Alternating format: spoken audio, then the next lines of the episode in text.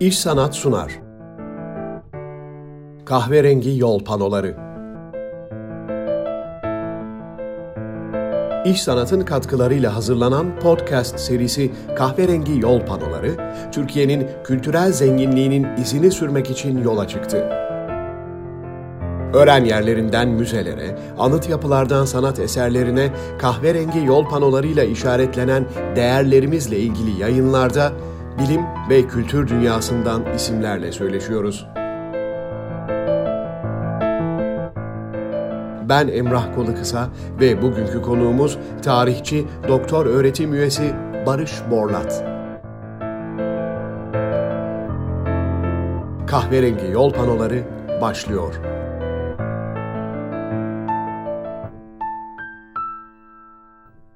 Kahverengi yol panolarında bugün doktor öğretim üyesi Barış Borlat'la birlikteyiz. Tarihçi. Hocam hoş geldiniz her şeyden önce yayınımıza katıldığınız için çok teşekkür ediyorum. Teşekkür ederim. İyi yayınlar diliyorum öncelikle. Sağ olun. E, hocam 18 Mart Üniversitesi Tarih Bölümünde öğretim üyesisiniz. Aynı zamanda yine üniversite bünyesinde rektörlüğe bağlı Atatürk ve Çanakkale Savaşları Araştırma Merkezi müdürüsünüz. E, aslında biz de tam da bu konuyu konuşmak istiyoruz. Biraz Çanakkale Savaşları'na e, bakalım istiyoruz. E, ama biraz farklı bir açıdan bakalım. Sizin de bu konuda çok fazla aslında hem e, saha araştırmanız var, e, hem e, makaleleriniz var. E, biraz e, hem savaş alanı, muharebe alanında e, neler bulundu? E, oradaki şehitlikler nasıl ortaya çıkarılıyor? Mesela ben en son bir yayınınızı izlediğimde tam bu pandemi başında bir heyecan yaratan bir buluştan bahsetmiştiniz. E, yeni bir şehitlikle ilgili. Biraz bunlardan bahsedelim istiyorum. Ama açıkçası şunu da merak ediyorum. Biz yayınlarımızda tabii ki arkeolojiye de çok yer veriyoruz. E, ama acaba savaşın bir arkeolojisi olur mu? E, anlamlı bir e, bilmiyorum terim midir bu? Tabii kesinlikle. Önce şunu söyleyelim isterseniz. Belki biraz sonraki kısımda bahsederiz. Saha içerisindeki çalışmalarda ne bulduk ya da biz sahada nasıl çalışıyoruz ondan değiniriz ama son sorunuzdan isterseniz başlayalım. Savaş arkeolojisi konusunda. Tabii ki bu tanım en azından dünyada e, belli bir yere ulaşmış, belli bir olgunluğa ulaşmış bir alandır diyebiliriz. Ancak ülkemizde belki son e, 10 yıl içerisinde tanım olarak ortaya çıkmış ancak içerisi henüz yeni dolduğu alanlardan bir tanesi olduğunu söylemekte fayda var. E, özellikle bunun ortaya çıkmasında tabii ki dünyada e, askeri tarihe, harp tarihi olan ilginin artması, akademik anlamda bu yöndeki bir yönelişin e, olması bu alanı da kendi içerisinde doldurmaya başlıyor. Ama bir sistematik içerisinde henüz tam anlamıyla oturmuş değildir ülkemizde de. E, buna rağmen birçok çalışma en azından belki ulusal gündemde sizler de rastlıyorsunuz yürütülüyor. E, arkeoloji bu işin olmazsa olmazlarından bir tanesi e, ki zaten bir disiplin içerisinde sürecin incelenmesinin de en azından en temelini teşkil ettiğini söyleyebiliriz. Tabii bu e, disiplinler arası bir çalışma aslında. Yani savaş arkeolojisi dendiğinde işin içerisinde tarih, arkeoloji, sanat tarihi gibi aslında disiplinlerin beraber çalıştığı bir alan olduğunu söyleyebiliriz. Hele ki bizim bugünkü belki sohbetimizin konusu olan Gelibolu Yarımadası gibi içerisinde farklı tarihsel katmanların bulunduğu bir alana eğer siz çalışıyor iseniz mutlaka farklı dönemleri de inceleyen bilimlerin olması gerekiyor. Şunu demeye çalışıyorum. Gelibolu Yarımadası'nda antik dönem yerleşimleri var. E, Truva ile eşdeğer dönem yerleşimleri söz konusu. Osmanlı erken dönem yerleşimleri var. Hatta Osmanlı geç dönem dediğimiz 1800'lere ait olan yerleşim, kale ve diğer yapı izleri söz konusu. Ve tabii ki en son olarak da e, 1915 Birinci Dünya Savaşı'nın Çanakkale Savaşı izleri en azından olduğunu söyleyebiliriz. Şimdi böyle çok katmanlı bir bölgenin incelenmesi, bunun belki de tırnak içerisinde savaş arkeolojisinin yapılması tabii ki birlikte bir e, çalışmayı öngörüyor. Bununla ilgili çok farklı disiplinler biz beraber çalışıyoruz. Yeni yöntemler en azından alanda deniyoruz. Hatta bununla ilgili e, uluslararası işbirlikleri içerisinde de yürüttüğümüz çalışmalar oldu. Bir kısmı hala en azından e, iletişim aşamasında devam ediyor. Bu e, bizlere de yeni şeyler öğretiyor. Sahaya da yeni bilgiler aslında katılmasını sağlıyor. Bu haliyle dediğiniz gibi e, savaş arkeolojisi çok önemli bunun içerisinde. Ama bizim e, tabii burada belki de odaklandığımız yer 1915 özeli e, öncelikli olarak en azından olduğunu söyleyebiliriz. Çünkü benim temel çalışma alanlarından bir tanesi ya da uzmanlık alanlarından birisi. O nedenle belki 1915 özelindeki durumu izahla ilgili kısmı daha fazla önceleyebiliriz gibi geliyor.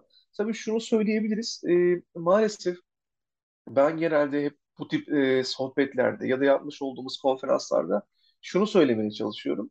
Biz bazı konularda geç kaldık. Bu geç kalmışlığın telafisi için aslında e, belli şeyleri yürütmeye çalışıyoruz. E, elimizdeki en temel kaynak tabii ki askeri arşiv olması gerekiyor. Çünkü incelediğiniz alan bir sizin askeri dönemi içeriyor 1915'i. Ama e, askeri arşiv belgelerinin ulaşılması kısmı e, çok sonra yani belki son 15-20 yıl içerisinde tam anlamıyla olmaya başladığı için bizim elimizdeki birçok belge, bilgi yeni yeni güçlenmeye başlıyor. Bu doğal olarak sizin sahadaki tırnak içerisinde keşiflerinizi, sahadaki tespitlerinizi de aslında e, geç bir döneme tarihlendiriyor maalesef. O nedenle biz bugün hala Gelibolu Yarımadası içerisinde, belki biraz sonra detayından bahsederiz, yeni şehitlik alanları, yeni karargah noktaları, muharebenin izlerini bulmaya başlıyoruz. Bununla ilgili Gelibolu Yarımadası'nda iyi bir örnek yapıldı. Yani özellikle Çanakkale Savaşları'nın 100. yılı sürecinde e, Avustralya ile birlikte bizim merkezimizin yapmış olduğu bir e, yüzey araştırması gerçekleştirildi. Bu 5 yıl sürdü. 5 yıl içerisinde sadece Gelibolu Yarımadası'nın bir paftasını, işte Şevkipaşa haritasındaki 17. pafta çalışıldı.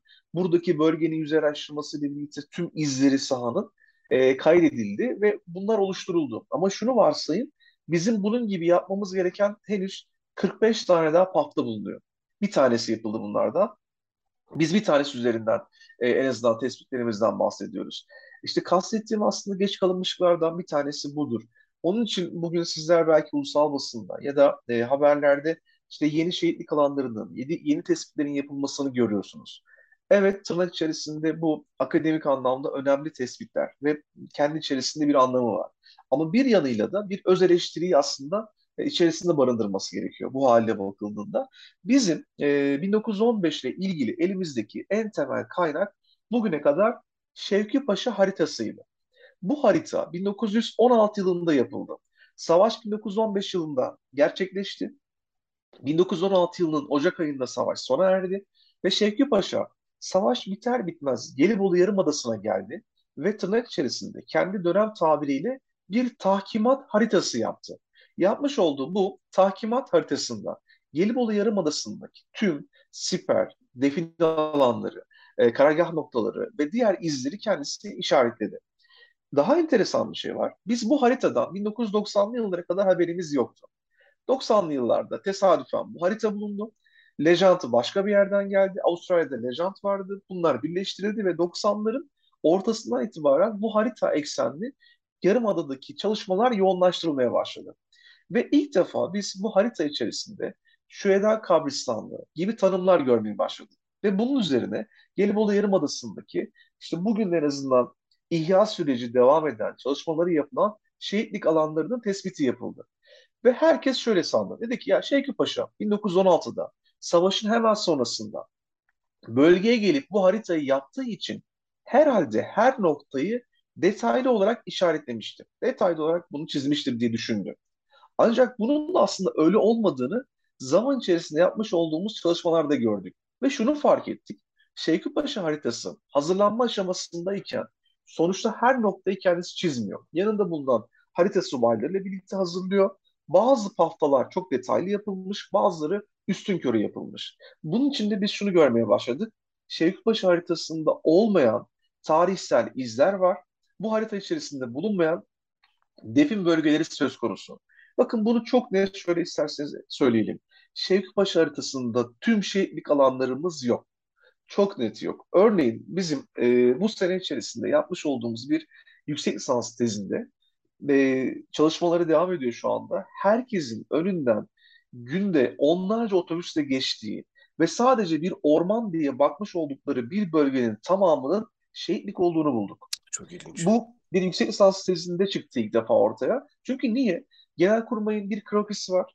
Krak üzerinde burasının bir şehitlik olduğunu yazmışlar. Siz sahaya zaten gittiğinizde sahada ormanlık alanın içerisinde kemikleri görmeye başlıyorsunuz bir yerden sonra. Hmm. Düşünebiliyor musunuz? Yani e, ziyaretçilerin günde işte yılda bir milyondan fazla ziyaretçinin önünden geçtiği bir alanın şehitlik olduğunu biz yeni öğrendik. Ya da Anafartar Ovası'nda bugüne kadar bilinmeyen ve tarla vasfında devam eden sürülmeye bir noktanın şehitlik olduğunu yeni gördük.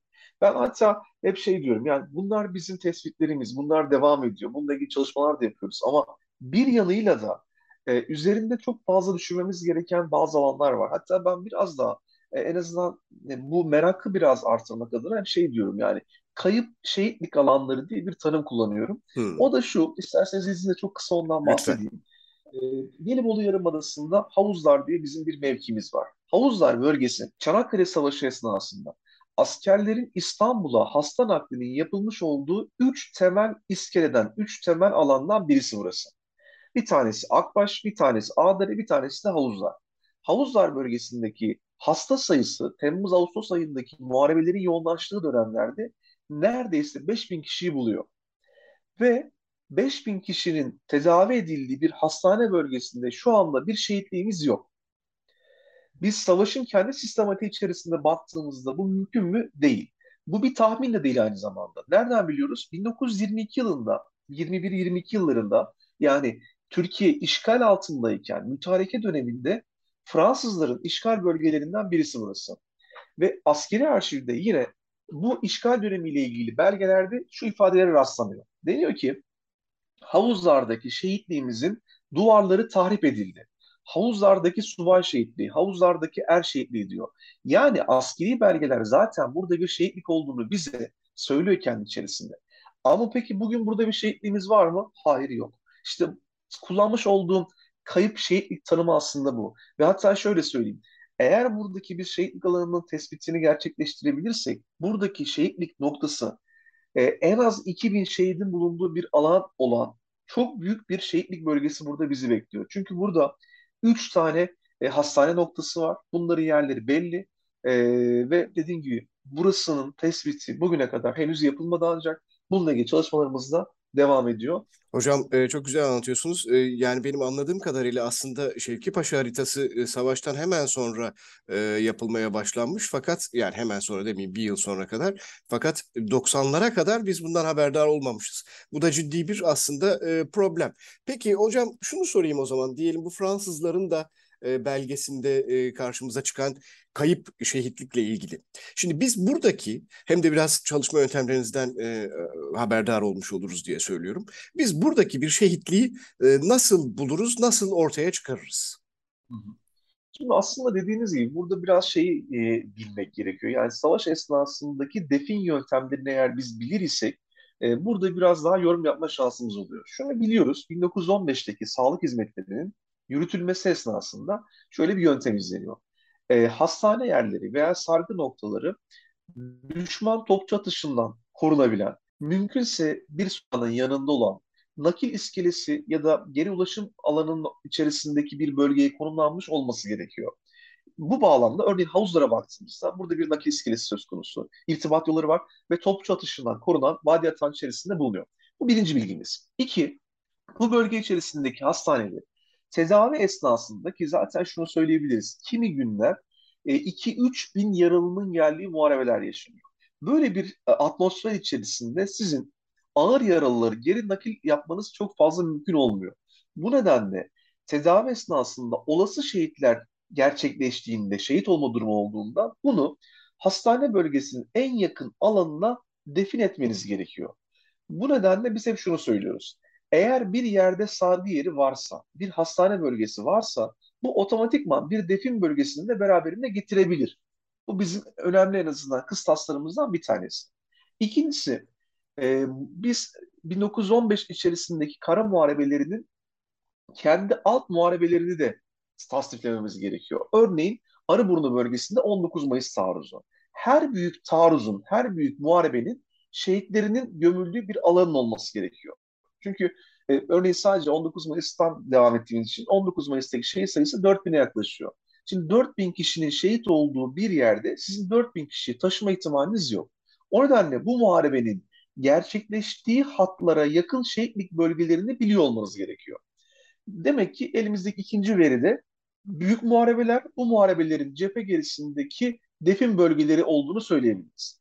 Bu ikisini besleyen asıl kaynağımız ise dönemdeki arşiv belgeleri, krokiler ve görsel malzeme. Bunlar içerisinde örneğin askeri krokiler belki de bizim bugüne kadar tespitlerimizdeki en önemli bölümü burası oluşturuyor. İlk saydığımız iki madde bunu güçlendiriyor, bunu besliyor ama asıl olan şey üçüncü maddedeki askeri krokide yani resmi devlet evrakında yazıyor. Oradaki ibareler şöyle yer alıyor. Şüheda mezarlığı, Şüheda kabristanlığı. Örneğin 28. alay Meşedi yazıyor. Mezarlığı. Son tespitlerimizden bir tanesiydi. Anafart Ovası'ndaki tespitimizde bu askeri kroki içerisinde Şüheda mezarlığı yazıyordu. Aslında bize bir yer gösteriyor bununla ilgili olarak. Şimdi bu bilgiyi de aldığımızda iki bilgiyle eşleştirdiğimizde elimiz aslında bir bilgi bütünü çıkıyor. Bunu sahayla eşleştirmek amacıyla da tabii ki birçok farklı yöntem kullanıyoruz. Bunlardan bir tanesi elimizdeki haritanın ya da krokinin sayısallaştırılması. Bu kroki veya haritayı sayısallaştırıp arazideki e, durum ile eşleştirip sağ eşleştirmesi sonrasında sahada yapacağımız çalışmayla tespiti kesinleştiriyoruz. Bundan sonraki aşamada jeoradar tarama yöntemiyle yapılan taramayla birlikte defin alanının sınır ve çevresi kesinleştirilmiş oluyor. Ve böylece aslında bilgi neredeyse büyük oranda şekillenmeye başlıyor. Ama burada şunu unutmamak gerekiyor. Bizlerin maalesef hani e, saha çalışması, araç çalışması niye önemli? E, dün mesela sahada saha çalışmasındaydık. E, ilginç bir tane patlamamış el bombasına rastladık. Bulunduğu yerin farklı bir anlamı vardı. Ondan da belki bahsederiz. Ama daha önemli bir yer var. O da şu. Bölgede yaşayan insanlarla, çobanlarla, köylülerle temasınız ve irtibatınız olması gerekiyor. Çünkü onların sağlamış olduğu bilgi sizin elinizdeki teorik bilgiyi güçlendirebiliyor. Bazen sizin boş bıraktığınız alanları doldurabiliyor veya sizin en azından yorum kısmınızı güçlendirebiliyor. Örneğin e, biz işte en son yaptığımız bu tespit esnasında Anafort, Anafort Ovası'ndaki şehitliğin tespiti esnasında krokiyi e, sayısallaştırdık, araziyle eşleştirdik. Büyük oranlı bir yer tespitimiz var. Bir sargı yeri tanımı var. Sargı yeri zaten bir su kaynağı yanında yani bir derenin yanında korunaklı alan ve şehitlik neredeyse büyük oranda şekilleniyor. Ama Kroki'nin bulunduğu yerin içerisinde şehitliğin tam karşısına bir tane dam işareti koyulmuş. Lejant da bunu yazıyor bildiğiniz hayvan damı aslında. Şimdi bölgedeki Anafarta e, köylülerinden bölgede uzun süre ormancılık yapan, sahada çalışan e, birisi dedik ya böyle bir yer var, dam var ne söyleyeyim e, Rabbi şeyi söylüyor yani damın kimin olduğunu söylüyor. Sadece ben haritayı gösterdim. Yani böyle bir dam var. Hadi o bizim köyden Osman'ın damı orası dedi. Dedik sen yerini biliyor musun? Ha, tamam gidelim beraber. Dedi. Gittik. İnanın nokta haritanın 1915'te çizmiş olduğu dam hala duruyor. O bizim referanslarımızdan birisiydi. Ee, onun karşısındaki sargı yeri ve sahaya zaten gittiğimizde o bölgenin kenar kısımlarındaki kemikleri görmeye zaten başladık. Ve sonrasında az önce bahsettiğim işin tabii ki yasal boyutu, diğer prosedür ve evrakların tamamlanması ve diğer kısımlar devam etti. Aslında böyle bakıldığında sizi besleyen, sizin alanla ilgili olan kısmınızı doğrulayan e, bir sözlü tarih, bölgedeki e, yaşamış, hala bölgede bulunan kişilerin anlatıları. Bazen size çok ilginç bilgiler sağlayabiliyor. Mesela e, Küçük Anafartı'da bir bölgede e, aynı nokta içerisinde e, bir tane köylü yer gösterdi. Dedi ki burası karargah binası dedi. Savaş esnasında kullanılmış. Dedelerimiz dedi bunların duvar taşlarından alıp bizim evi yaparken kullanmışlar. Çünkü hmm. köylüler de savaş malzemesini kullanıyor ve değerlendiriyor. Birçok farklı yöntemle değerlendiriyor. Evet. Dedi ki karargah nerede? Gösterdi. Yapının belli izleri duruyor. Biz de bölgeyle ilgili askeri kroki ve haritalar eşleştirdik. O sadece orasının bir karargah olduğunu biliyor. Biz de hangi karargah olduğunu, hangi birliğin kullandığını, hangi tarihler arasında kullandığını e, eşleştirdik ve aslında bizim 1915'ten gelen bir tarihsel iz, kültürel mirası kendi içerisinde şekillendirmiş ve belli bir yere taşımış olduk aslında bu haline bakıldığında. bakıldığında. O nedenle e, maalesef hani genelde temel eksiklerden birisi sadece masa başında yapılan çalışmayla, sadece teorik çalışmayla olmaması gereken bir aslında e, alan ve sahadan bahsediyoruz bununla ilgili. Evet. O nedenle hep sizin bu işin içerisinde bulunduğunuzda bir ayağınızın sahada, alanda, e, bölge halkıyla ve insanlarıyla iç içe e, ve tabii bir kısmıyla da çok önemli kısmıyla da arşivin içerisinde olması gerekiyor.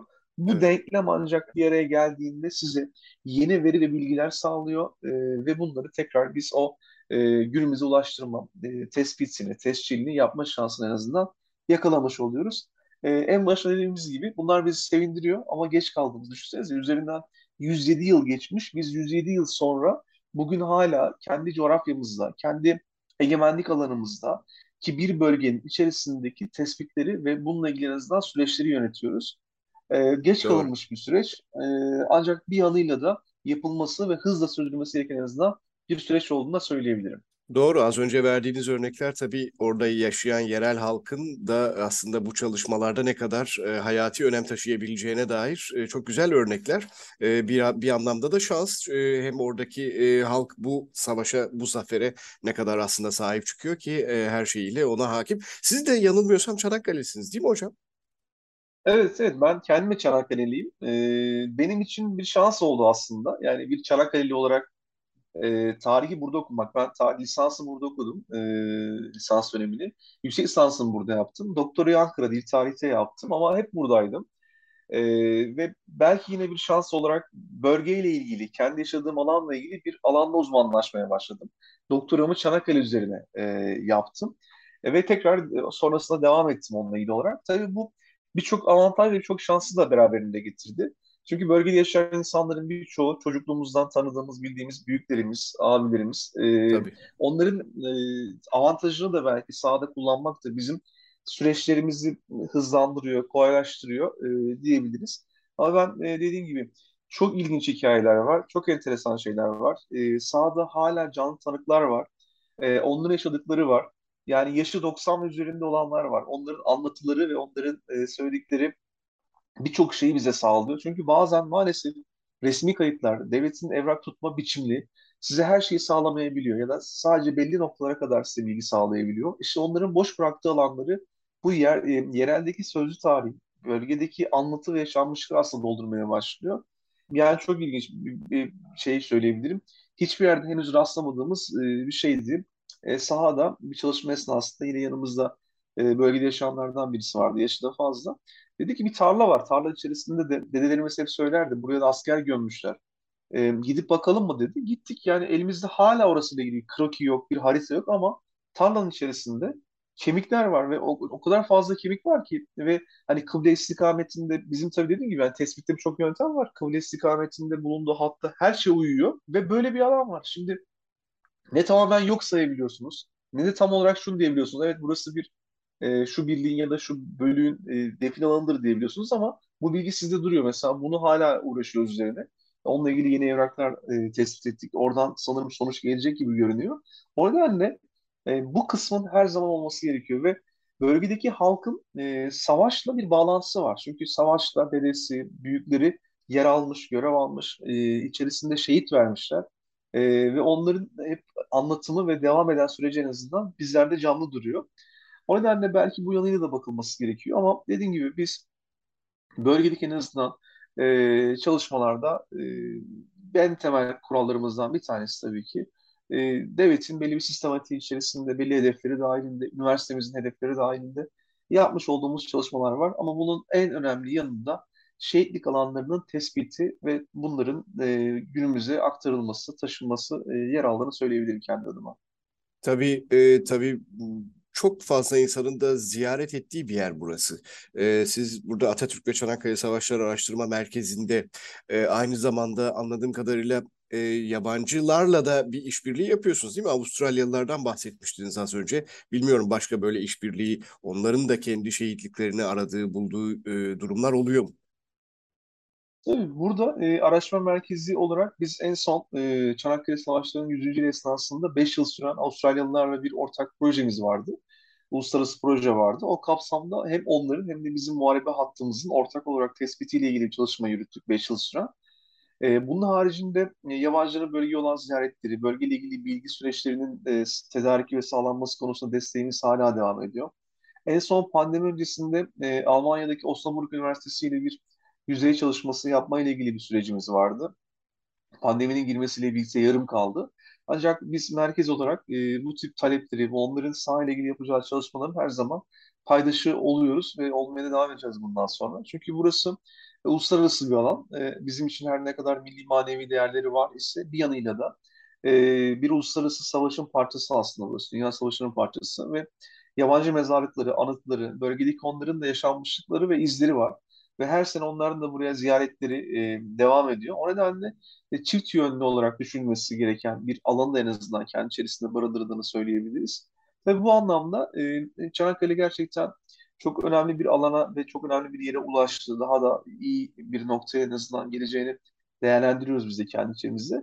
E, çünkü burasının özellikle askeri tarihi olan ilginin artmasıyla birlikte e, ve korunmuş bir bölge olmasından kaynaklı Osnabrück Üniversitesi'nin bölgeyle ilgili çalışma yapmayı hedeflemesindeki temel amaç Birinci Dünya Savaşı'ndan günümüze korunmuş olarak ulaşabilen nadir yerlerden bir tanesi burası.